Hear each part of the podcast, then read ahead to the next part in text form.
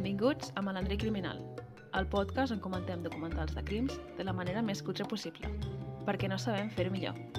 Soc la Marta. Jo la Carla. Jo la Clara. Noies, Sí. Digues. tenim 14 persones d'audiència, més o menys. Que fort. Joder, és que jo no, vull dir, no m'imagino qui ens està escoltant una hora sencera dient xorrades. Audiència estimada 14 persones. A més, és que poses el temps estimat de- que t'escolten i és com tot el capítol i dic, però gent, en plan, busqueu-vos un hobby o en, en plan, no entenc, no entenc. Carla, no, no animis a la gent a marxar, sisplau. No, no, no, queda't, queda't, però literalment no sé què estàs fent amb la teva vida. Uai, què estem fent nosaltres? Bueno, però nosaltres fem el Monyes, però que algú ens escolti fer el Monyes ja és una cosa important. Bueno, comencem. Vinga, dale. Com que aquesta setmana és una setmana molt maca, una festivitat preciosa, tradicional, molt bonica, que és la Setmana Santa, no tenim episodi de crims, coses que nos ha jodido un poco la marrana, com diria la Clara. I... Però no passa res, perquè tenim un altre tema estrella, que és el tema de les sectes. Som molt aficionades, especialment la Marta i jo, i avui us comentarem un documental sobre la secta de Cienciologia. Perquè hem de dir que quan parlem de crims no ens limitem només a homicidis. Òbviament. Podem parlar d'organitzacions criminals. Exacte. Mhm. Estàs dient que és una organització criminal? Sí. Sí, anem a dir des del principi. És una organització criminal, és una secta. Spoiler. Vull dir... Sí. no crec que quan la gent sent secta uh, pensi que és una cosa gaire... No sé, no sé ni com dir-ho, no sé com, com definir qui seria l'oposat de la cienciologia, però... No t'he posat. És una cosa barbàrica. I s'ha de dir que la cienciologia és com la secta de les sectes. Sí, Almenys per nosaltres. sí, o sigui, hi han diferents sectes que nosaltres, o sigui, som com aficionades, no? Però aquesta... Sense participar-hi, no hi no, no, participeu en no hi cap, participem. Em fascina com algú hi pot participar, però no, no, no hi participem. Però aquesta és com una cosa... Té, té com un, un, un raconet especial al nostre cor mm, de les sectes. bueno, el documental es diu Going Clear, Scientology and the Prison of Belief. Que ara m'ho tradueixes. Ah, sí. Bueno, com, traduiries Going Clear? No ho sé, perquè el problema és que no em sé la terminologia en castellà. I són a Espanya. Estan a Barcelona. Jo he estat davant del seu centre. Quasi entra la Marta. Quasi entro, però em vaig cagar viva. Tenen un... No sé si tenen més d'un- d'una oficina, però com a mínim una està molt a prop de, de l'antiga fàbrica de Cellà. I em vaig quedar mirant davant durant com 5 segons i vaig veure gent mou- moure's dins, em vaig cagar viva. Però no, no coneixem la terminologia en castellà o en català o que sigui l'idioma que fan servir aquí. Només coneixem la terminologia en anglès. O sigui que les Ja. traduccions igual són una mica cotrilles. Sí, hem fet el que hem pogut, però Sí. Bueno, bàsicament, o sigui, l'altra part que és més fàcil de traduir, perquè Going Clear també és com un joc de paraules. Sí. Eh, és cienciologia i la presó del, del, Del pens- pensament. Sí, del pensament. Llavors, eh, per què comentem aquest documental? Crec que ja ho hem dit. Bé, una cosa, disclaimer. Nosaltres diem que ens considerem expertes perquè hem llegit molt sobre aquest tema, hem llegit molt sobre cienciologia, hem vist molts documentals, però aquí ningú mai ha participat en res relacionat a la cienciologia, en cap curs que fa la cienciologia, ningú ha estat dins i ha sortit, no coneixem a ningú. Per tant, és No. possible que hi hagin detalls que se'ns escapin, hi hagin coses que simplement, si no has estat dins, no pots entendre. Per molt que nosaltres ens esforcem. Però mm, també és veritat que nosaltres ens hem esforçat molt. O sigui, eh, tenim Sí. molta informació al respecte que crec que avui ho podrem demostrar. Sí, però tot i això, algú sempre se t'escapa. Sí, sí, però òbviament em, tot des d'un punt de vista des de fora. Mhm. Bueno, clar, aquí llavors el que ens passa és que qui no en té gaire idea de tot això és la Clara. Sí, Sí.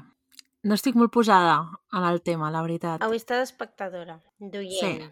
Clara, tu avui ves anant fent incisos perquè tot això pot ser molt complicat i si no ho estem explicant bé i no s'entén les coses, l'objectiu és que tu ho entenguis. Si tu entens de què estem parlant i segueixes el ritme, vol dir que es- les nostres 14 persones d'audiència també podran seguir-ho. Ok. Llavors, fes, fes preguntes si no entens alguna Sí. cosa. perquè nosaltres, clar, ho tenim molt clar perquè ja sabem de què va, però... Vale. D'acord, doncs que algú em faci la pregunta. Carla, Sí? qui és el malandrí d'avui? doncs avui tenim diversos malandrins. Primer de tot tenim el malandrí màxim. Jo no he conegut a una persona més malandrina en la meva vida. bueno, no l'he conegut, però en plan que, sap, que sàpiga d'algú més malandrí que aquest senyor. I aquest senyor es diu L. Ron Hubbard. Tan, tan, tan. I després veureu perquè és la persona que nosaltres hem considerat el malandrí màxim. bueno, jo he considerat. Llavors, hi ha un altre malandrí que apareixerà una mica més endavant, que es diu David Miscavige, que jo l'he batejat com el nou malandrí màxim en funcions. També ho entendreu tot Home. en su debido momento. En funcions porta 30 anys en funcions, o més. Bueno, O sigui que jo crec que ja està bastant establert. Títol vitalici. bueno, pues, el nou malandrí... El malandrí màxim segon. vale. I llavors també, doncs, clar, no són només aquestes dues persones que porten tot aquest tema. Al cap i a la fi és... bueno, no és una institució perquè no existeix com... Bueno, no sé Sí és es podria institució. considerar una institució, però... És, com hem dit abans, una organització criminal. Exacte. Llavors, doncs, tota l'organització és una malandrina. Vale. Llavors, comença'ns a explicar una mica perquè no seguirem el documental tal qual està el documental. El fem servir de pauta, però mm, l'hem com redistribuït Sí, a la nostra manera. Exacte, l'hem col·locat bé, per dir-ho d'alguna manera, perquè, clar, quan tu veus un documental pots eh, prendre't així una mica la llibertat de tirar endavant i endarrere i, i barrejar coses perquè és més fàcil seguir-ho amb la vista. Però si us ho expliquem com està en el documental, bueno, no només us perdeu nosaltres, ens perdem, o sigui, us perdeu vosaltres, ens perdem nosaltres, es perd tothom i no s'entén res. Llavors, jo ho he distribuït de la millor manera que sé, que espero que porti a algun lloc. I bé, primer us posarem una mica en situació i el documental barreja com dues parts. Una part més d'explicació, més explicar una mica tot el fil, i després l'altra part que són les persones que expliquen la seva experiència dins de, entre cometes, l'església, que és com ells s'anomenen ells mateixos, de cienciologia. Persones que han fugit, que han marxat Bueno, d'aquesta organització. cuidao perquè el màrtir Radbon ha tornat. Sí, això ho volia comentar, però pensava esperar-me que arribéssim a la història del Martí Radbon. Ja, és veritat. bueno, després ja ho comentarem, perquè és un tema Sí. una mica eh, delicat. No, ara, ara diràs els noms, no? Sí. Vale. Hi ha alguns noms en què la gent, Clara, això vol dir tu, t'has de Sí. quedar amb certs noms, vale? ja direm quins són els noms més importants amb els que t'has de Perquè quedar. hi ha perquè- d'altres que la història... Vull dir, que sí que són importants, òbviament, però que hi ha d'altres que són com tenen històries eh, més, Sí. més destacades, per dir-ho. A més a més, tenim gent que eren simplement gent que estava involucrada i que anava com a església, entre cometes, no? Anaven allà a fer les Mhm. seves pràctiques religioses. I després tenim gent que eren altos cargos de l'organització que han, Exacte. han marxat. Vale. Per tant, aquests altos cargos ens hem de quedar una mica amb els seus noms. Sí, perquè després, Vale. al final, també són els més rellevants. Sí. Vale, jo només conec en plan a una actriu. Bueno, aquesta no surt. Sí, però, aquesta bueno. actriu no surt en aquest documental. Oh, en sèrio? Però parlarem d'ella, No. parlarem d'ella perquè s'ho mereix. Parlarem d'ella. Sí. I perquè és la meva ídola i estic molt enamorada d'aquesta senyora. sí, ja parlarem d'ella, però més endavant. Vale. També aquests noms els anirem repetint quan arribi el moment, els anirem repetint perquè són tres Sí, o quatre sí. persones, realment, eh? I, òbviament, diré els noms horriblement malament perquè... Quins noms? En plan... Quins noms? Alguns noms són horribles de pronunciar. Mm, un. No, I d'altres, i d'altres. bueno, el primer que apareix, perquè els he posat per ordre, que anaven apareixent durant el documental, el primer es diu Paul Huggis i és director de cine. Té un Òscar. Sí. Després ap apareix Jason Begg, o algo així, que és actor. Spanky Taylor era unes relacions públiques de cienciologia. Mike Rinder, que era el portaveu de cienciologia i de fet era com de les poques persones que apareixia fent entrevistes mentre estava a cienciologia i és un dels noms importants Sí, amb aquest ens hem de que quedar. ens hem de quedar.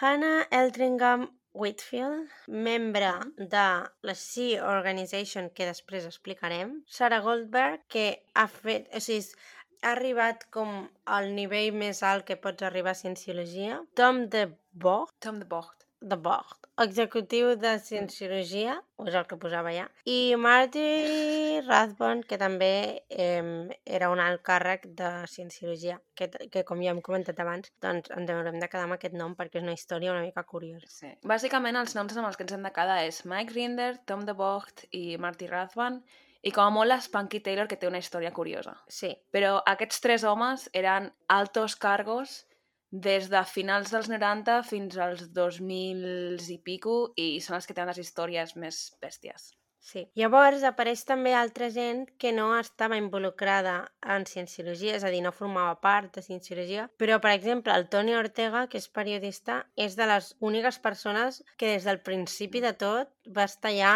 donant per cul a cienciologia. Bueno, des del principi no sé, perquè jo crec que als anys 60 aquest home... Bueno, no... des del principi vull dir... Des del principi de la seva carrera. Exacte. Eh, Sí. Després surt un altre... Bueno, surt l'escriptor del documental, o autor del documental. El documental es basa en el seu llibre, que es diu igual, el seu llibre es diu Prison of Belief, Exacte. i han agafat el seu llibre com a base per fer aquest documental. I a, aquest senyor es diu Lawrence Wright i després surt un altre periodista que es diu Kim Masters. I són pues, així les tres persones que apareixen que no tenen relació amb la cienciologia, o sigui, no, no han format mai part de la cienciologia. I llavors, així com a introducció, aquestes persones doncs, expliquen una mica doncs, quin és el seu primer contacte amb, amb la secta. És a dir, com, com entren o com, com els hi arriba la informació sobre això. Llavors, alguns expliquen que ho coneixen a través d'amics en comú, és a dir, bueno, en comú amb la secta no, però vull dir, persones que, està, que havien entrat i que havien parlat de, de cienciologia i, per tant, així els arriba com la informació, i altres per motiu de feina, que no sé si ho heu vist, però molts són, estan relacionats amb el món del cinema o de les arts Mm. o alguna cosa així, que té un per què. Llavors, Mm. per motius de poder com tenir més feina d'això o com ser alguna persona important dins d'aquest món,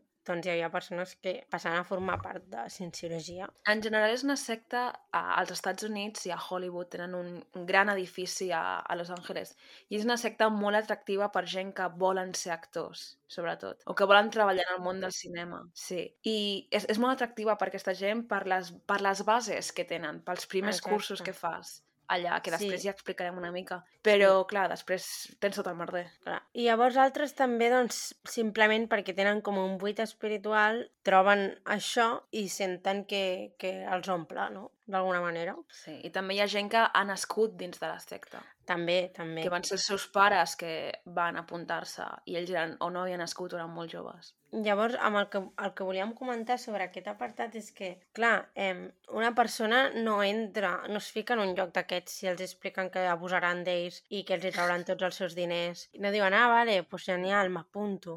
I totes les històries del dictador intergalàctic Exacte. que, que hi ha darrere de tota la filosofia, això no t'ho expliquen. Això no t'ho expliquen en un primer moment. Carla, com t'enganxen? Explica-m'ho. Com t'enganxen? Què és el primer que fan? Hòstia, et dius que ets una experta i no sí, saps sí, dir-me? no.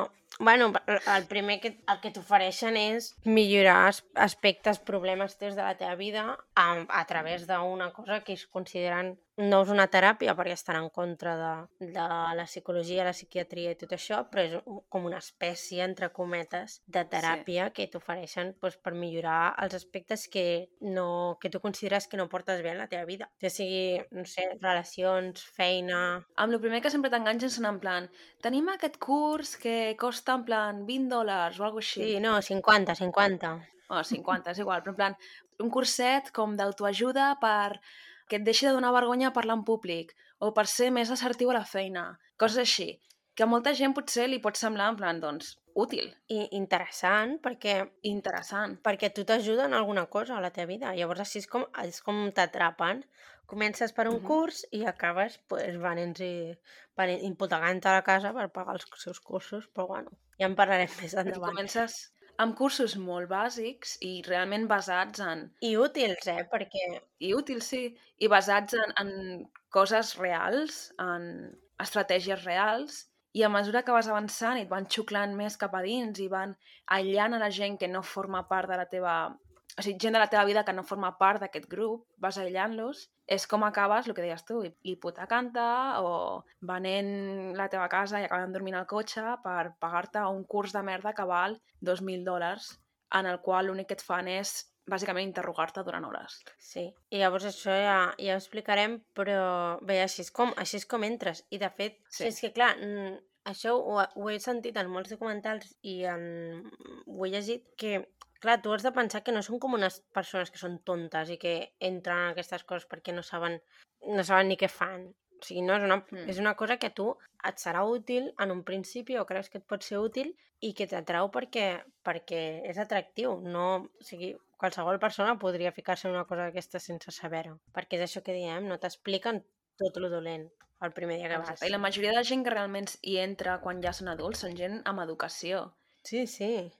També hem de pensar que, clar, tot això estem parlant de que la majoria de gent que va entrar, que potser tenien 20 anys o 20 i pocs anys, no van entrar fa un parell d'anys. Van entrar potser als anys 70, que O no hi havia abans. el flux d'informació, o abans, als anys 70, 8, 60, 80, no hi havia el flux d'informació que tenim ara. Tu ara busques Google Cienciologia i de seguida estàs enterat de tot lo dolent. Clar, Exacte. són als anys 70 i tot lo dolent no t'ho presenten Mm. i no tens aquesta informació a l'abast. Doncs per posar-nos en context, que ara que us hem fotut tot el rotllo, què és Cienciologia? doncs Cienciologia és una organització, que la Marta diria criminal, ara ho deixarem en organització de moment, creada per aquest senyor, el Ron Hubbard, als anys 50 he buscat, però realment, o sigui, fa el seu boom molt després. Però Mm. ell, entre cometes, la crea als anys 50 als Estats Units i que té com a objectiu, d'alguna manera, netejar la Terra, entre cometes, d'ànimes dolentes que habiten a dins del nostre cos i volen, doncs, fer de la Terra un, un món millor, un lloc millor. Això tampoc t'ho diuen d'entrada, allò de... No, tampoc t'ho diuen d'entrada, però tècnicament és això. Vas seguint bé, Clara? Sí, Sí, no? T'enteres, oi? de moment bé, de moment bé. Val, doncs, qui és el Ron Hubbard? El Ron Hubbard és un senyor que abans de... Bueno, no sé si abans o després. Bueno, és un escriptor de ciència-ficció. Als anys 30, comença als anys 30. Exacte, sí, o sigui, abans de la guerra. És un, és un escriptor de ciència-ficció molt prolífic, perquè aparentment cobraves molt poc per les històries que escrivies, llavors havies d'escriure com moltes històries. Bueno, és més aviat que es, es cobrava per paraula. Exacte, llavors, clar, havies d'escriure moltes històries. Que prolífic no vol dir bo. No, no, prolífic vol dir que escriu molt, punt. Ni bé ni No malament. que sigui bo.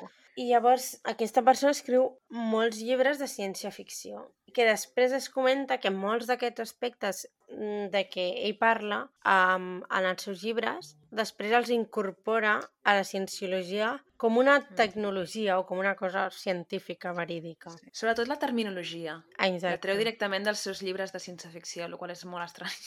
Sí, perquè després veureu, eh, quan us expliquem les coses, veureu que sembla que no tingui cap sentit, però bueno, ella ja ho fot, eh? I es queda més a gusto que un arbusto. Llavors, aquest senyor, clar, ja hem de dir que ja tenia un passat una mica estrany. Mm. I ja s'havia juntat eh, amb diferents personalitats, anem a dir, excèntriques. Eh, hòstia, que no me'n recordo el nom. Es junta amb el Jack Parsons, que si Ah, algú això. sap qui és el Jack Parsons, el Jack Parsons és bàsicament una mena de... Bueno, una figura molt important dins de les sectes de l'ocultisme i la màgia negra dels anys 40 als Estats Units, que a més a més era un tio superllès, era enginyer i, i feia coets per la NASA i no sé què hòsties, però també li anaven al rotllo de anem a tenir orgies de màgia negra per intentar crear l'anticrist. Sí, Lol. sí. Sí, és molt interessant. No, no entra dins del que és... Vull dir, no toca gaire tocar sobre l'home aquest, però és... No, però igual ho podríem tocar un altre dia, potser. Sí, igual podríem trobar algun documental sobre aquest home, perquè és un tio, per una banda, molt intel·ligent i que per l'altra banda se li va moltíssim la olla. Bueno, ja ho passa. Bé, doncs, que anem a dir que ja tenia pues, un passat una mica estranyat. I que s'ajuntava molt amb aquesta gent i, i bueno, ja sap, Dios los cria. I ells se junten. Exacte. Llavors, per fer-nos una idea una mica de com, era aquest, de com era aquest senyor, les seves relacions són complicades i, de fet, amb la seva dona estableix una relació de poder i manipulació i, i amb molts abusos físics de per mig i arriba un moment que mm, s'emporta la filla de- d'ells dos i la segresta i se l'emporta a Cuba i la deixa amb unes persones que no coneix de res i truca a la seva exdona i li diu que l'ha matat i que l'ha des- desquarterat i que l'ha tirat al riu i al cap de dos minuts la truca i li diu que és mentida. Bueno, vull dir, i, i també era una persona eh, que era molt, molt mentidera. O sigui, jo crec que ja era, mm, Sí. era una cosa, una psicopatia, perquè realment, o sigui, ell va a la guerra, però el fan fora, perquè la lia molt. Uh -huh. Igualment, ell s'inventa que és aquest gran heroi de guerra i que ha quedat lisiat i, bueno, tot fatal, que quasi es mor i literalment només va tenir conjuntivitis. Sí. Però, segons ell, es va quedar sec Sí, i es va curar sol. Es va curar la ceguesa ell solet. clar, o sigui que... amb, amb, amb les tècniques de cienciologia. Això, Clara, tot aniria bé. Sí, Sí, no? veus? Potser ho podries fer Igual m'apunto a la cienciologia. I bé, doncs així us fa una mica d'idea de qui és aquest senyor. I llavors aquest senyor té un... En el documental comenta com les... i es deixen com uns escrits de la seva dona i la seva dona diu que ell l'havia sentit moltes vegades dir que l'única manera real de fer diners era crear una religió, perquè d'aquesta manera, doncs, clar, podies demanar diners com a donació i cap de govern se't podia com ficar pel mig. I no fotre palo a l'aigua. Exacte, també. Lo qual no li falta raó. Mm, No, sí. no, està molt bé el tema. No, no, si ben aviam. pensat s'ho tenia. Sí, l'únic que després, doncs, bueno, hi ha temes, hi ha temites per tractar, però bueno. Llavors ella escriu um, el que s'anomena Dianetics, que són vuit llibres que són com la bíblia de la cienciologia, o sigui, són les escriptures d'El Ron Hubbard que se segueixen seguint fins a aquest moment, al peu de la Sí. lletra, literalment. En català o castellà se'n diu dienètica. doncs dianètica. Són vuit llibres que aquest senyor, en un moment d'inspiració divina, va escriure i que a dia d'avui aquesta gent segueix al peu de la lletra sense interpretació alguna. Sí. I quan diem sense interpretació vol dir que aquest home ha deixat escrit la manera en com has de rentar el terra, saps? Sí, O, o no, les finestres, les finestres. Has de rentar les finestres amb paper de diari i vinagre o alguna cosa així. I no pots fer-ho... Si ets de, formes part de la cienciologia, no pots fer-ho d'altra manera. Exacte. Perquè si ell va dir que la millor manera és fer servir vinagre i paper de diaris per rentar les finestres, qui ets tu per dir que no, faré servir aquest producte especial per vidres i un drap? I a dia d'avui encara ho fan així. dicta des de les coses més tontes i més simples, com això de les finestres, a com ha de ser el teu matrimoni, com has de criar els teus fills. Sí. Vull dir, tot, ho té tot pensadíssim. I no pots interpretar res. No, és el que hi ha, i punt. Sí. Llavors, eh, quines són les creences d'aquesta... Anava a dir religió, però bueno. Bueno, digue-li religió pel simple fet de dir alguna cosa, perquè no... Tampoc quina paraula fa servir, si no. Exacte. Però bueno, que no és una religió, deixem clar. No és una religió legítima. Exacte. Almenys legítima no ho és. La màxima d'aquesta religió és que tenim dues parts al nostre cervell. Una part analítica, que és la part on tu penses racionalment, i la part reactiva, que és la que et fa tenir ansietat, dubtes, baixa autoestima... Doncs la que et comporta tots els problemes a la teva vida. Clara, com vas? Bé, bueno, una menjada d'olla important, no? Sí. Sí, però vas seguint, no? Sí, sí, s'entén molt bé, però és com que dius, bueno, és que com algú es pot prendre en sèrio això, saps? Clar, però és el que diem, no t'ho expliquen això el primer dia que entres per la porta. Ja. Té el seu procés. Però a veure, també, a tu que et diuen, bueno, el teu cervell té una part analítica i una part de reactiva, tampoc sona com la cosa més la bogeria més gran del món. No, però que em facin fregar el terra amb vinagre, doncs oye. Bueno, però és que això ve després, això t'ho he comentat jo ara, però això no t'ho diuen tampoc. Però tu t'expliquen, mira, el teu cervell funciona d'aquesta manera. Tens una part analítica, que és la part lògica, la part que t'ajuda a prendre decisions que són bones per tu, i la part reactiva, que són tota la part que uh, són les teves pors, les teves ansietats. Uh -huh. Tampoc, Fins a veure, aquí. jo no sóc científica, jo no sóc psicòloga, però no em sona a una bogeria, a una teoria molt descabellada, tampoc. No, no. No t'està dient que tens elefants al cervell en bicicleta. Ah, exacte. O sigui, vull dir, bueno, fins aquí dius, bueno, mira, pod... té mig sentit entre cometes. Llavors, el teu objectiu com a persona que forma part de cienciologia és deslliurar-te d'aquesta part reactiva. I llavors ets el que, entre cometes, ells anomenen clear, que vol dir com net o pur o una cosa d'aquestes. Com que tens claredat en el teu cervell i ets capaç Exacte. de controlar les teves emocions. Bueno, i de moltes altres coses que després s'inventen, però bueno. Sí, però la idea bàsica és aquesta, que ets capaç de controlar. Llavors, una cosa que m'ha agradat molt del documental és que les primeres imatges són d'aquesta pràctica que us he parlat abans que no, és, no els hi podríem dir teràpia, bueno, bàsicament perquè no ho és, però és una cosa que podríem trobar algunes similituds amb la teràpia, que es diuen auditing sessions, que crec que seria alguna cosa així com una auditoria o en el sentit de que tu t'asseus en una cadira, hi ha algú a l'altra banda, tu has d'agafar dues llaunes, ja sé que són estrany, però has d'agafar dues llaunes a les mans que, port, que, tenen, que estan connectades a una màquina, que la màquina té una agulla i segons com es mogui, aquesta persona que està a l'altra banda sap, doncs, no què estàs pensant, però sí que si estàs pensant en alguna cosa que et provoca malestar.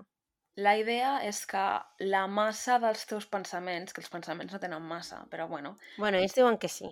la idea és que la massa dels teus pensaments, o l'energia, diguéssim l'energia dels teus pensaments, va a través d'aquestes llaunes, que són dues llaunes metàl·liques buides. Sí, sí, però com les del tomàquet, eh? Vull dir, tampoc... Sí, sí, vull dir, una llauna de sopa, saps? I van cap a la màquina aquesta i la persona que sap llegir la màquina, diguéssim, que no pot ser molt difícil, sap si estàs tenint un pensament recurrent, si estàs tenint un pensament dolent, i veuen com es mou l'agulla, depenent com es mogui l'agulla, et fan unes preguntes unes altres. Llavors, en el documental expliquen que, clar, tu al principi d'aquestes sessions, doncs surts molt content, perquè, clar, t'està ajudant a millorar la teva vida, en principi. Sí. Però que cada cop veus que hi ha més coses que no són del tot certes, però que has de dir que sí que són certes si vols sortir d'allà.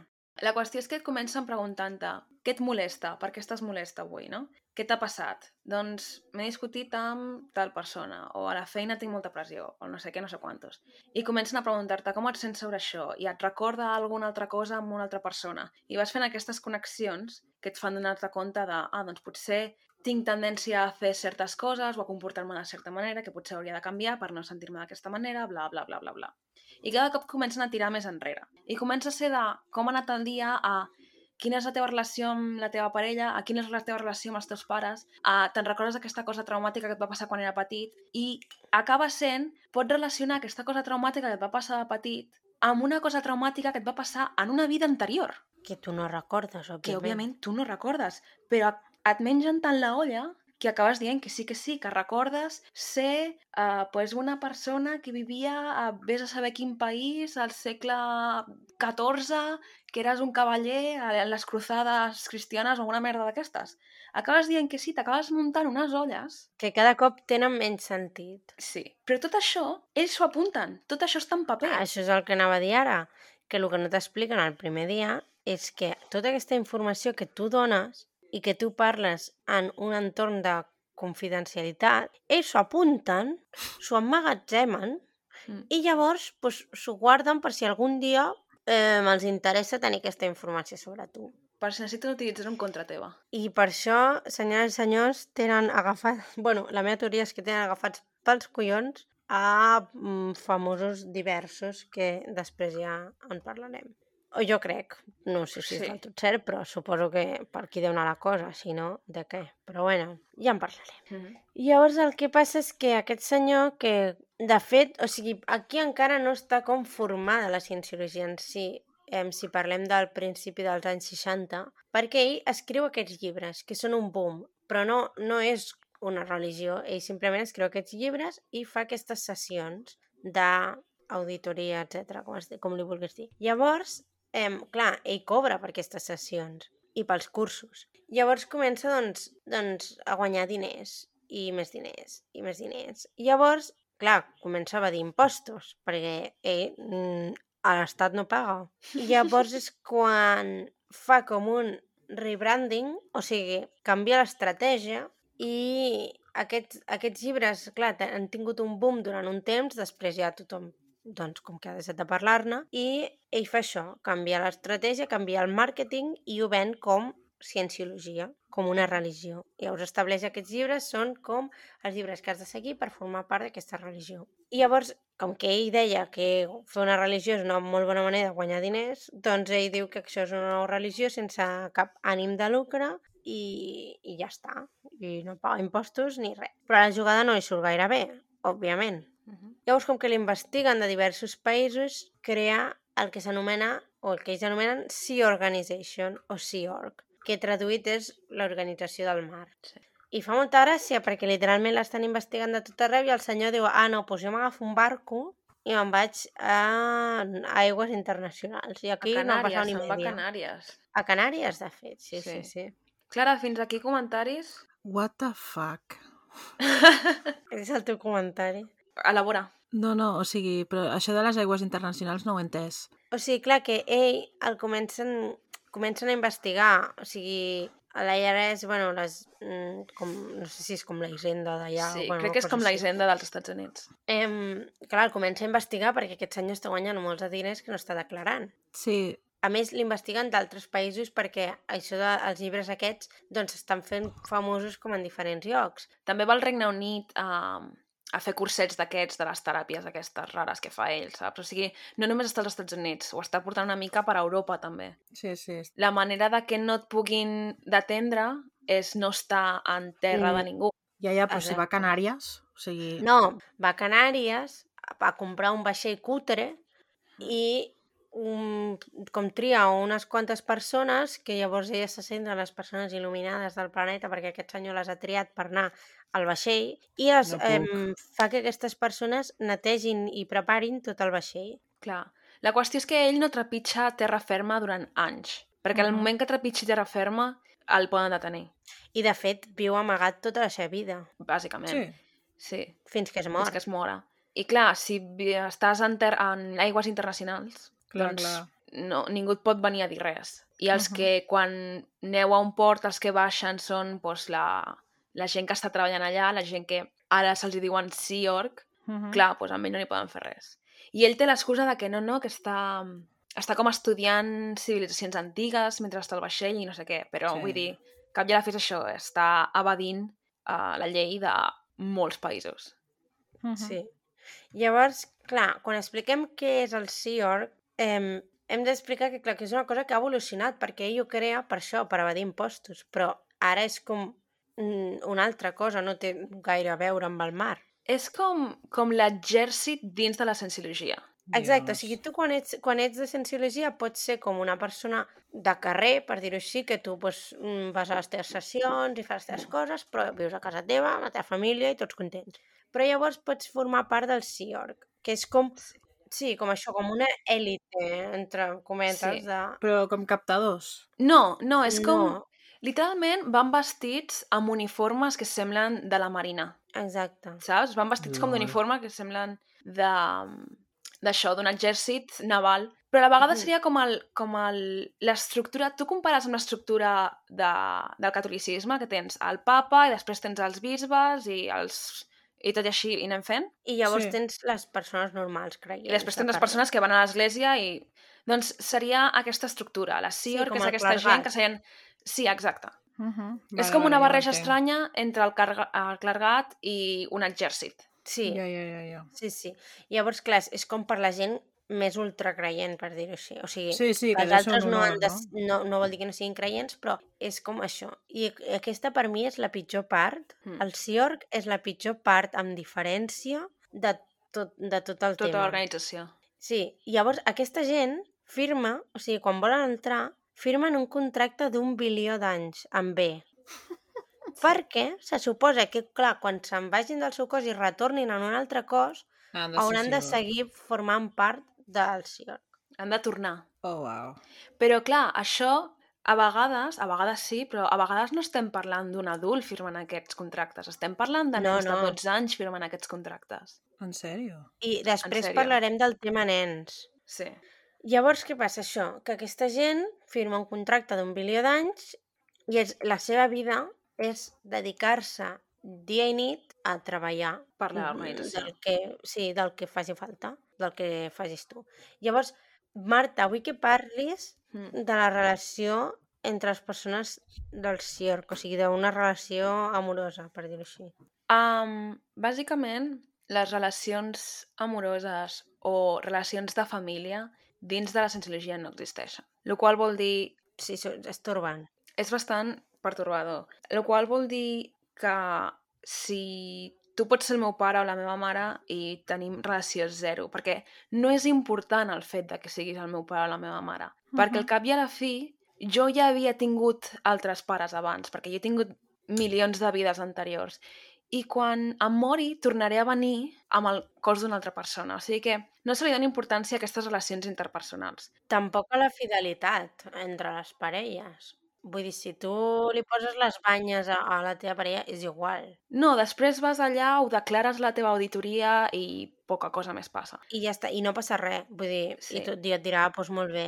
Sí, això és bastant en general dins de la cienciologia.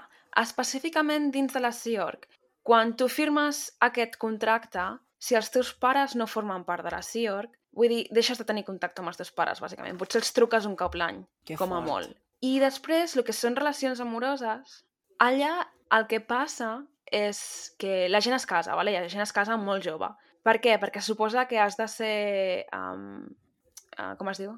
Has de, has de fer celibat vale? fins que et cases a Ah, la sí. CIORC. Llavors es casen molt, es casen amb 20 anys o el que sigui. Però clar, tens aquest matrimoni que realment no és un matrimoni. Et cases amb aquesta persona i és que no et veus. En Llavors, no surt en el documental, però hi ha un exemple d'una parella que a tu, Clara, a Carla, perdó, a tu, Carla, et sonaran, que són la Claire i Mark Headley. Sí, em sonen molt, he sentit a parlar molt Vale. d'aquests. Doncs agafant-los amb ells com a exemple. Ells parlen això, que es van casar molt joves, vivien a la mateixa, al mateix apartament, diguéssim, però no es veien mai. Perquè ja l'organització s'ho munta de tal manera que no tens mai els mateixos horaris. A més a més, que no estàs fent una jornada de 8 hores, estàs fent potser una jornada de 14 hores, 16 hores. Per cobrar Res. com 50 dòlars la setmana. Cobren potser Joder. cèntims l'hora. Que després dir- inverteixes en sessions d'aud- d'auditing. Bueno, tècnicament, tots els cursos de cienciologia i aquestes coses, si formes part de la CIORC, no els has de pagar. Ja t'ho inclouen. El que passa que si... Però igualment et pressionen perquè donis diners i Ah, sí, bueno, això ja sí. Però el que passa llavors és que si tu decideixes deixar l'organització aquesta, dius, seré sent, formant part de la- de l'església, en plan, com a persona normal que va a l'església a resar, no? Que allà no resen perquè no creuen en Jesús ni res, però aquesta idea. Però marxo de, de l'organització, marxo de la CIORC, llavors et diuen, vale, ens deus 3 milions de dòlars per tots els serveis que t'hem donat. Joder. Llavors, um, ja s'ho munten d'aquesta manera, en què entre que estàs treballant potser 14 hores i després has de fer cada dia, has d'estudiar cienciologia com si t'estudiessis la Bíblia, durant Mhm. dues o tres hores al dia. I a sobre et fiquen horaris que no coincideixes amb la teva parella. I les- Bàsicament estàs casat amb un desconegut. Ja, Sí. ja, ja, ja. I què passa quan tens fills, Marta? Bé, el senyor Howard va decidir que dintre de la CIORC tenir fills era una distracció i un impediment perquè la gent fes la seva feina. Llavors eh, va arribar a ser un moment que, bàsicament, és una norma d'aquestes no escrites, no pots tenir fills. Per tant, si tu et quedes embarassada, Sí. eh, et sentiràs molt, molt, molt pressionada per no dir que et portaran a la clínica d'avortament ells mateixos i t'obligaran a tenir un abort. Encara que no el vulguis. Uau. Sí, eh, una de les coses més traumàtiques per, per les que passen aquesta gent, que haig de dir que no és el mateix ser del CIOR que ser de la resta, o sigui, que ser de... És com una diferència molt gran. Sí. És trauma igual, però és un trauma sí, diferent. és trauma igual, però és un trauma diferent, exacte. I la, una de les coses més traumàtiques que passa a aquesta gent és el fet d'haver d'avortar quan no vols avortar, quan vols tenir un fill. Però igualment tu pots decidir tenir un fill. Què passa que llavors atenta a les conseqüències? Sí, però a més, què passa amb aquests nens? Ah, Perquè què va decidir aquest senyor? clar, igual que hem dit que uh, tu com a adult doncs, poca relació tens amb els teus pares, tu com a nen, els teus pares poca relació tenen amb tu. Perquè aquest home va decidir que els nens no eren nens, sinó que eren adults en cossos petits. Joder. Llavors han de ser tractats com a adults. En tot Un nen de moment. 4 anys ha de ser tractat de la mateixa manera que un adult. I crec que ara, crec que ara ja no existeixen com a tal, però en cert moment d'apogeo de la cienciologia existien camps de treballs forçats per nens. Sí, hi ha el que se li diu, o hi havia, ara, ara mateix no sabria dir-te si encara segueix, que igual segurament encara segueix, però en plan parlo bajini. Saps el que vull dir? No ho sé, eh? Perquè et fots en un merder important. Uf, bueno, però sí, hi ha el que li, diu, li diuen ja la Sea Org com a tal i hi ha els cadets de la Sea Org, que són aquests nens d'entre 8, 9, 12 anys Sí. Que han firmat un contracte d'un bilió d'anys. ja han firmat un contracte, però encara no se'ls porta a fer feines com els adults i estan en aquests camps. En aquests camps, eh, diguem camps com si fossin camps de concentració, però és que bàsicament fan Bueno, que... treballs, treballs forçats, bàsicament. Construeixen edificis, aquests nens de 9, 10, 11, 12 anys, treballant directament amb les seves mans, sense protecció, no els hi donen guants, no els hi donen Ni eines, eines... ni eines decents. No, Però com això és legal? No ho entenc. no ho és. No, no, no ho és.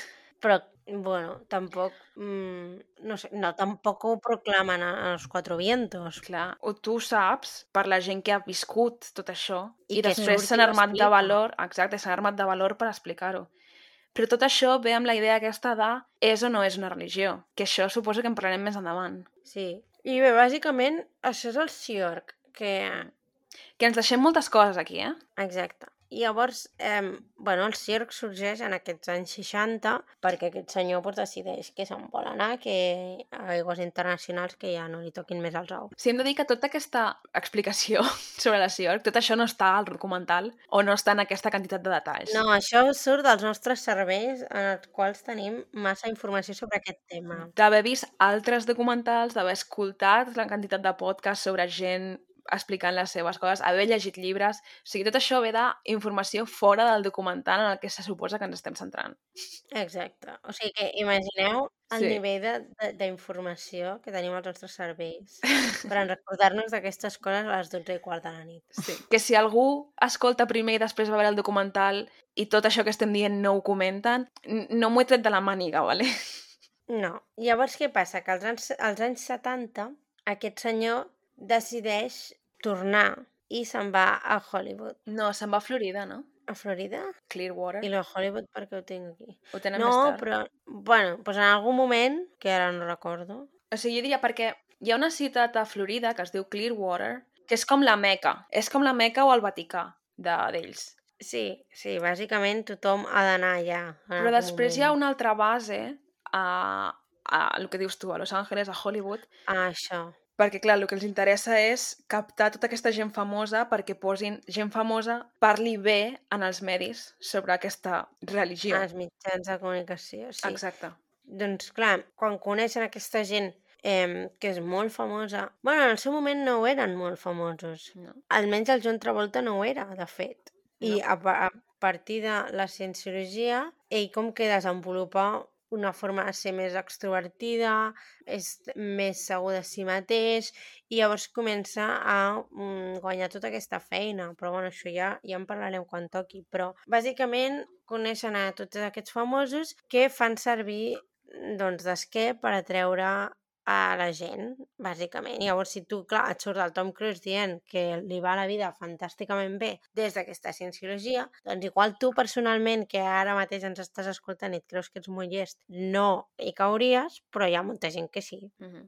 Llavors, aquest, eh, es crea el Celebrity Center, Mm. que és bàsicament on es reuneixen doncs, les persones famoses que formen part de Cienciologia, que a, a dia d'avui encara existeix. La cosa és que es crea doncs, aquest, aquest Celebrity Center i s'organitzen doncs, bueno, s'organitzen de manera que aquesta gent pugui captar altra gent i doncs, aconseguir més diners, no? que és la, la finalitat de tot això. Fins aquí, tot bé, Clara?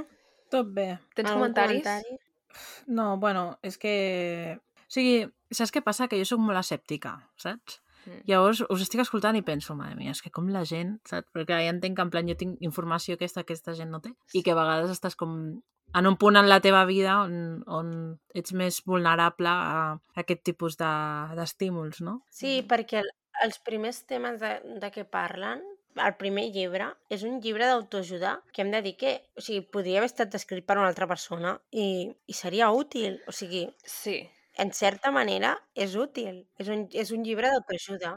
Això jo crec que passa quan t'hi fiques una mica a mirar. Totes les sectes um, tenen una mica aquesta idea de... Comencem amb coses molt senzilles, molt fàcils de mastegar i amb les que dius, hòstia, doncs té sentit. I jo m'he trobat més d'una vegada veient documentals i la primera part que te la presenten com tu presentaria una persona per intentar col·locar-te dins de la secta i dius, hòstia, mira, això a mi fa un parell d'anys m'hagués ajudat, o això té sentit. Sí.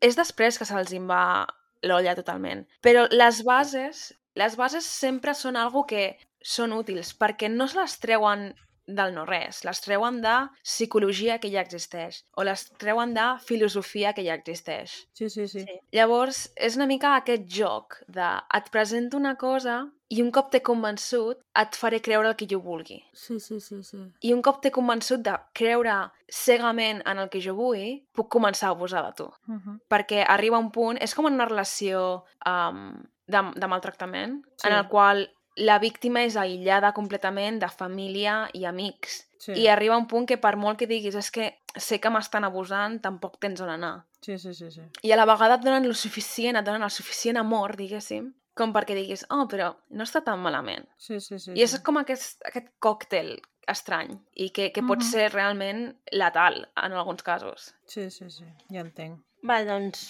eh, ara volia parlar de el que ells anomenen The Bridge. O sigui, ara hem parlat de totes les creences i tota la teoria aquesta, però a la pràctica, què fa aquesta gent? O sigui, The Bridge, que és el, un pont...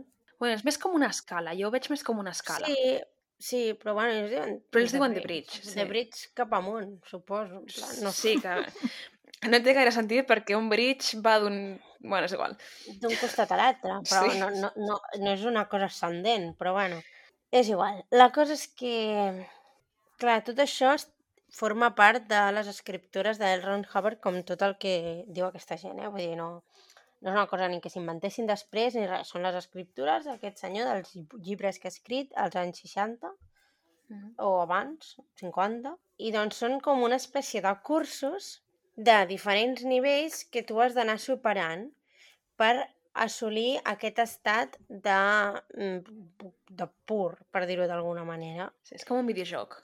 D'anar superant Exacte, els sí, nivells. sí, sembla com el Mario Bros. I, bueno, has d'anar has d'anar superant aquests nivells, llavors, clar, quan superes un, el nivell més bàsic, llavors et donen més informació nova i cada cop et van, donar inform et van donant informació. S'ha de dir que no qualsevol pot pujar a tots els nivells, perquè, clar, cada nivell que puges has de Has de pagar, pagar, una no? quantitat... Clar, Ah. has de pagar i cada cop és una quantitat més elevada. Més Exacte, gran. clar. Llavors, no tothom arriba als nivells superiors. Llavors, com a- aquests cursos es diuen OT, no com a Operació Triunfo, que estaria més divertit. Però es diuen Operating Citan, que si tu, Marta, vols traduir això, tot per tu. Citan ho traduiria com a entitat. Vale. Jo ho traduiria com a entitat. És com una entitat que, que ope, ope, opera. Que opera. opera en el no sentit opera en plan de- que saps el que estàs fent. No? Sí, sí, no d'o- d'operació, o sigui, d'operar. No hi pensem gaire perquè no té gaire sentit. Um, I llavors hi han vuit. O sigui, bueno, hi han més, però o sigui, aquests Sí. sí. cursos, els OT, són com...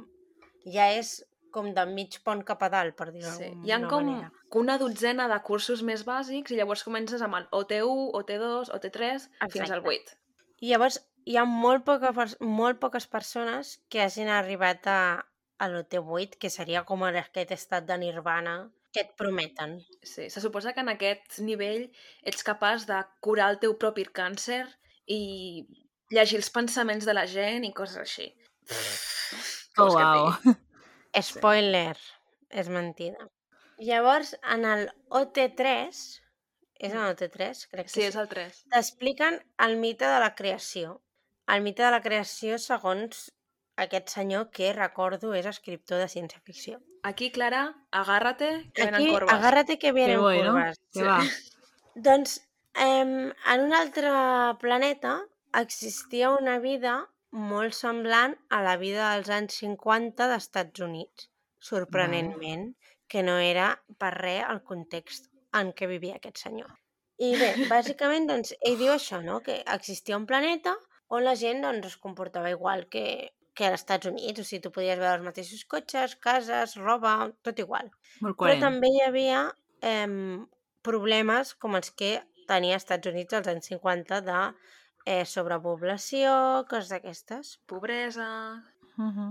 Coses llavors aquesta gent escull, crec que diu, eh, com, com a líder a un senyor intergalàctic, bueno, intergalàctic perquè està en una altra galàxia, però en plan, no és rotllo... així. És com un dictador... És un, dic és un dictador molt tirà que es diu Xeno. Bueno, ells li diuen... Zino. Xeno, bueno, sí, sí. Zino, Va, Xeno... Xeno. Li, li, direm, li direm Xavi, no. es diu Xeno. Bé. Sí. I aquest senyor, o no aquest tros, crec que em perdré una mica, igual Marta m'has d'ajudar. A veure, Que per mm, intentar mm, resumir una miqueta, aquest, aquest senyor... És que no sé com explicar-ho, explica-ho tu. storytelling no és el teu, eh? No, no, ara m'he perdut una mica. Bàsicament, aquest líder intergalàctic diu, vale, tenim un problema de sobrepoblació, doncs què farem? Ajuntarem a tota la gent que ens sobra, diguem, los indeseables, ah, vale? sí, i els congelarem. Amb una excusa d'una cosa de taxes, venen cap als nostres edifi edificis, el que sigui, i els congelem, vale? Sí. Els congelen, els posen en unes càpsules. I aquestes càpsules es posen en una, uns avions o, o naus Ah, interespacials i els porten cap a un altre planeta. Que no em preguntis el nom d'aquest planeta, però No, però és, és la Terra, no? Se suposa. és la Terra. Essencialment és la Terra. El que passa que ells els hi, li donen un altre Sí, nom. li diuen un altre nom. Que no em preguntis Però llavors els, aquestes càpsules la tiren, les tiren dins dels volcans. Sí, perquè na- se suposa que en aquella època, que fa com 3 trilions d'anys, la Terra no és la Terra tal com la coneixem nosaltres, sinó que estava coberta per volcans en erupció. Sí. Oh. I llavors els tiren en els volcans. Tiren aquestes càpsules i les tiren als volcans perquè morin i deixin de ser un problema. Què passa? Que en el moment en què aquestes càpsules i aquesta gent entren als volcans i moren, les seves ànimes, Els seus esperits. sí, es queden com en el limbo. I llavors els, els diuen Titan, que és això que has dit tu com Entitats. entitat o alguna cosa d'aquesta. Sí. Llavors què passa? Quan una criatura neix en aquest món que coneixem ara, pot ser que un o més d'un o molts, moltíssims Titans se li posin a dins del cos. I aquestes, aquestes entitats són els que ens mm, provoquen ansietat, malestar, problemes, etc etc. És com si tu, quan al néixer, a l'absorbir totes aquestes entitats, absorbissis també els seus traumes. Llavors t'has de netejar a través de la cienciologia per eh, estar net. per alliberar-te d'aquestes entitats. Vaya fumada. Bueno, aquí lo graciós és que aquesta història nosaltres la sabem, però si tu veus una persona que està en la cienciologia i li preguntes sobre això, una no ho No ho sabran, sap. perquè no els expliquen fins que arriben a l'OT3, i dos, les persones que sí que ho saben et mantenen Sí. a la cara dient que això no és veritat, perquè ells estan convençuts que aquesta informació, si no has preparat la teva ment suficient i no has arribat de la manera correcta a OT3, Sí. podria matar-te, aquesta informació. Oh, wow. T'explotaria el cervell. Ells et posen dins d'una sala, et donen un maletí amb les escriptures escrites a mà de L. Ron Hubbard amb tota aquesta informació. I tu quan Sí. vas a casa teva no ho pots dir a ningú perquè si els hi dius els pots matar. Clar, igual ho vols comentar amb el teu marit o amb la teva mare o qui sigui, en plan, mira què m'ha passat avui, aquesta bogeria, Però no pots. però no els hi pots dir perquè, Clar, i si els mates? clar, per molt que tu tinguis els teus dubtes, tu estàs convençut que si els hi dius, els hi provocaràs càncer o els hi provocaràs un, un atac de cor o... Mm. perquè no estan mentalment preparats per absorbir aquesta Clar. gran informació. Són tontos. No, és que no estàs preparat, no, no has Sí, sí, arribat no has a aquest pagat. punt de No, claretat. però un, No has clar, pagat, un vaja. cop Sí. t'han menjat, un cop t'han menjat el coco fins a l'OT3, hi ha gent que llegeix això i diu, ah, doncs sí. Hi ha gent que segueix fins al 8, saps? Sí, sí. I hi ha gent que llegeix això i diu, eh, que m'estàs container? I hi ha gent que diu, ah, doncs mira, està bé. També hi ha Saps? molta gent que el que li passa diu que és aquesta bogeria, però ja ha invertit tants diners i tants anys en aquesta merda que a veure què és el següent. Igual, quan arribi a l'OT4, tot això té més sentit. Exacte. Ja, que no, clar, no el clar. té, no el té, però bueno. Ja, spoiler. Bàsicament, aquest és el mite de la creació de cienciologia. I llavors, arriba un moment que aquest senyor, l'L. Ron Hubbard, ja és gran i, bueno, es mor. Com passa... Oh. Una cosa que passa. A veure, la idea és que aquest home ha abandonat el seu cos material No, l'ha abandonat Per- perquè és un impediment. O sigui, perquè aquest senyor Exacte. ja ha passat a l'OT8, ja està eh, en el limbo dels OTs, i el seu cos és un impediment per poder seguir desenvolupant la seva, de la seva part analítica. Ai, no puc. Per tant, abandona voluntàriament el seu cos per seguir avançant en el pont. Realitat, Mhm. va tenir un ictus. I va morir, no? I eh, aquest és, és el merder d'avui.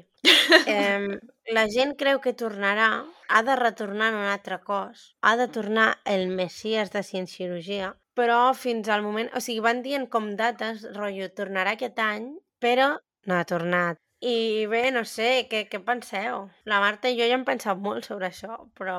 Sí, jo ho tinc com assumit com a part de la meva vida, ja, vull dir, no? Clar, jo és que a mi aquesta informació ja no, ja no em sorprèn, perquè No. ja la sé. Clara, Tu què penses, Plana?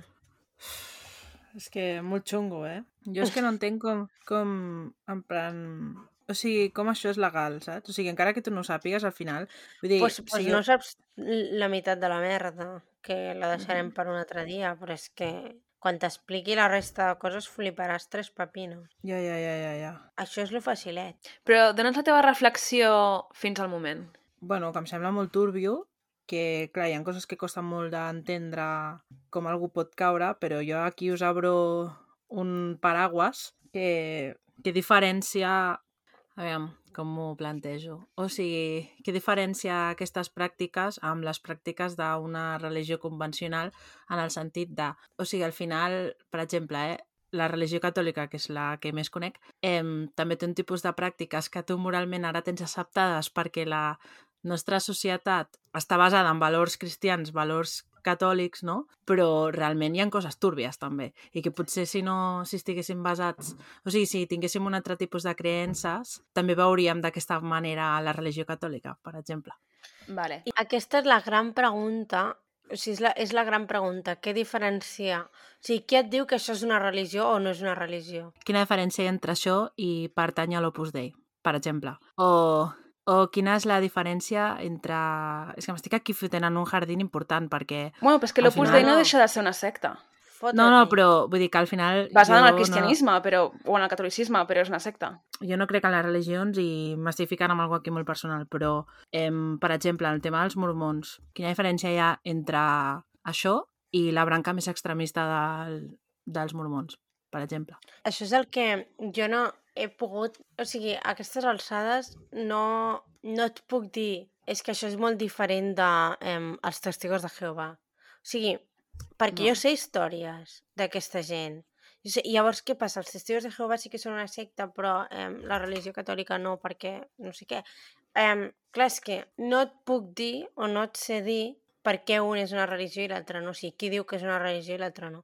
Llavors, Però tu ara, o sigui, fes un exercici en plan de, de sortir una mica i pensa com la religió catòlica t'està condicionant a tu com a persona agnòstica o com a persona atea a la teva vida i al teu comportament, no? Dir, és que al final eh, et moldeja i potser no, no és una acció directa de eh, si no fas això, vinc i et mato, però sí que eh, els valors en els quals està construït la nostra societat, al moment que tu tens un comportament que, que no has... o, o ets d'una manera de ser que no, no reprodueix aquests patrons, Mm. socialment, entre tots també fem aquesta pressió per aïllar sí. aquestes persones, saps? Vull dir, és molt, és molt més mecanitzat perquè és molt més general Mm. i potser això és més extrem, no? Em, però, clar, la base per mi és la mateixa.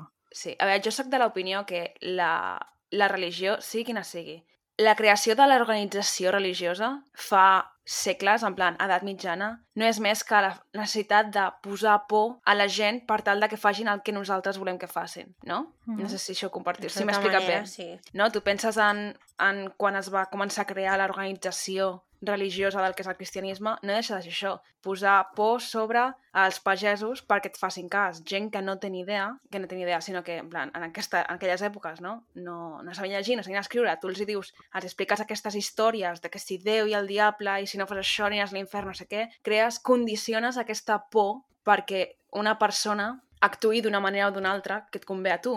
Què passa amb els segles en el context de la religió, diguéssim, cristiano-catòlica? Tots aquests valors s'han absorbit com els valors bàsics de la teva educació. Que no dic que siguin dolents només pel simple fet de que estiguin basats en la religió. Jo sempre dic que per molt que jo no em considero una persona religiosa, els meus valors, amb els valors amb els que m'he criat i la meva cultura, no deixen d'estar basats en el catolicisme. No? I ho veig més com una part cultural que altra cosa, per mi, personalment. I és això, és veritat, el que dius, tens raó està tan entrellaçat en la nostra cultura que no deixa de ser que tens aquesta part dins de tu mateix que condiciona com actues, com veus el món, quins són els teus valors. Eh, vale, o sigui, Marta, molt d'acord amb tu, però tu pensa en les pràctiques de l'Església Catòlica a l'edat mitjana, per exemple. Vull dir, no deixen de ser tan diferents de lo que estem veient ara. I llavors, no, no em surt a mi, a mi ara em surt el plantejament de, bueno, perquè aquestes pràctiques s'han deixat de fer i jo la conclusió que arribo així sense pensar-hi gaire és que al final ja no els hi fa falta perquè estem parlant de, de que, per exemple, la cienciologia té un target que és molt petit en comparació doncs, a, a la població mundial, no? Llavors potser la pressió que has de fer amb els teus membres ha de ser molt més alta perquè al final depens d'un percentatge de gent molt petit. És, ha arribat a un punt que és que jo crec que la religió catòlica, és que ara aquí m'estic sabant amb els catòlics, però extensiu a les religions en general. Però perquè és la que més coneixem. Per, sí, perquè és la, me Però és és la que la religió, clar, la religió catòlica ja va tenir la seva inquisició en el seu moment.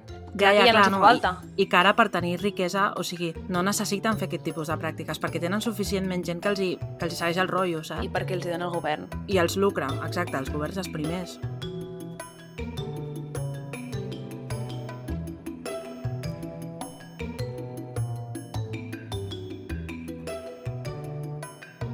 Fins aquí el programa d'avui. Si us ha agradat i us heu entretingut, podeu subscriure-us. Ens trobareu a Spotify, Apple Podcast, iVoox i altres plataformes. També podeu deixar una ressenya o un comentari. Això ens ajudaria molt. Si voleu comentar-nos què us ha semblat directament, ens trobareu a Twitter. Simplement busqueu Malandre Criminal Podcast i us hauria de sortir. Gràcies per escoltar-nos. Adeu. Adeu.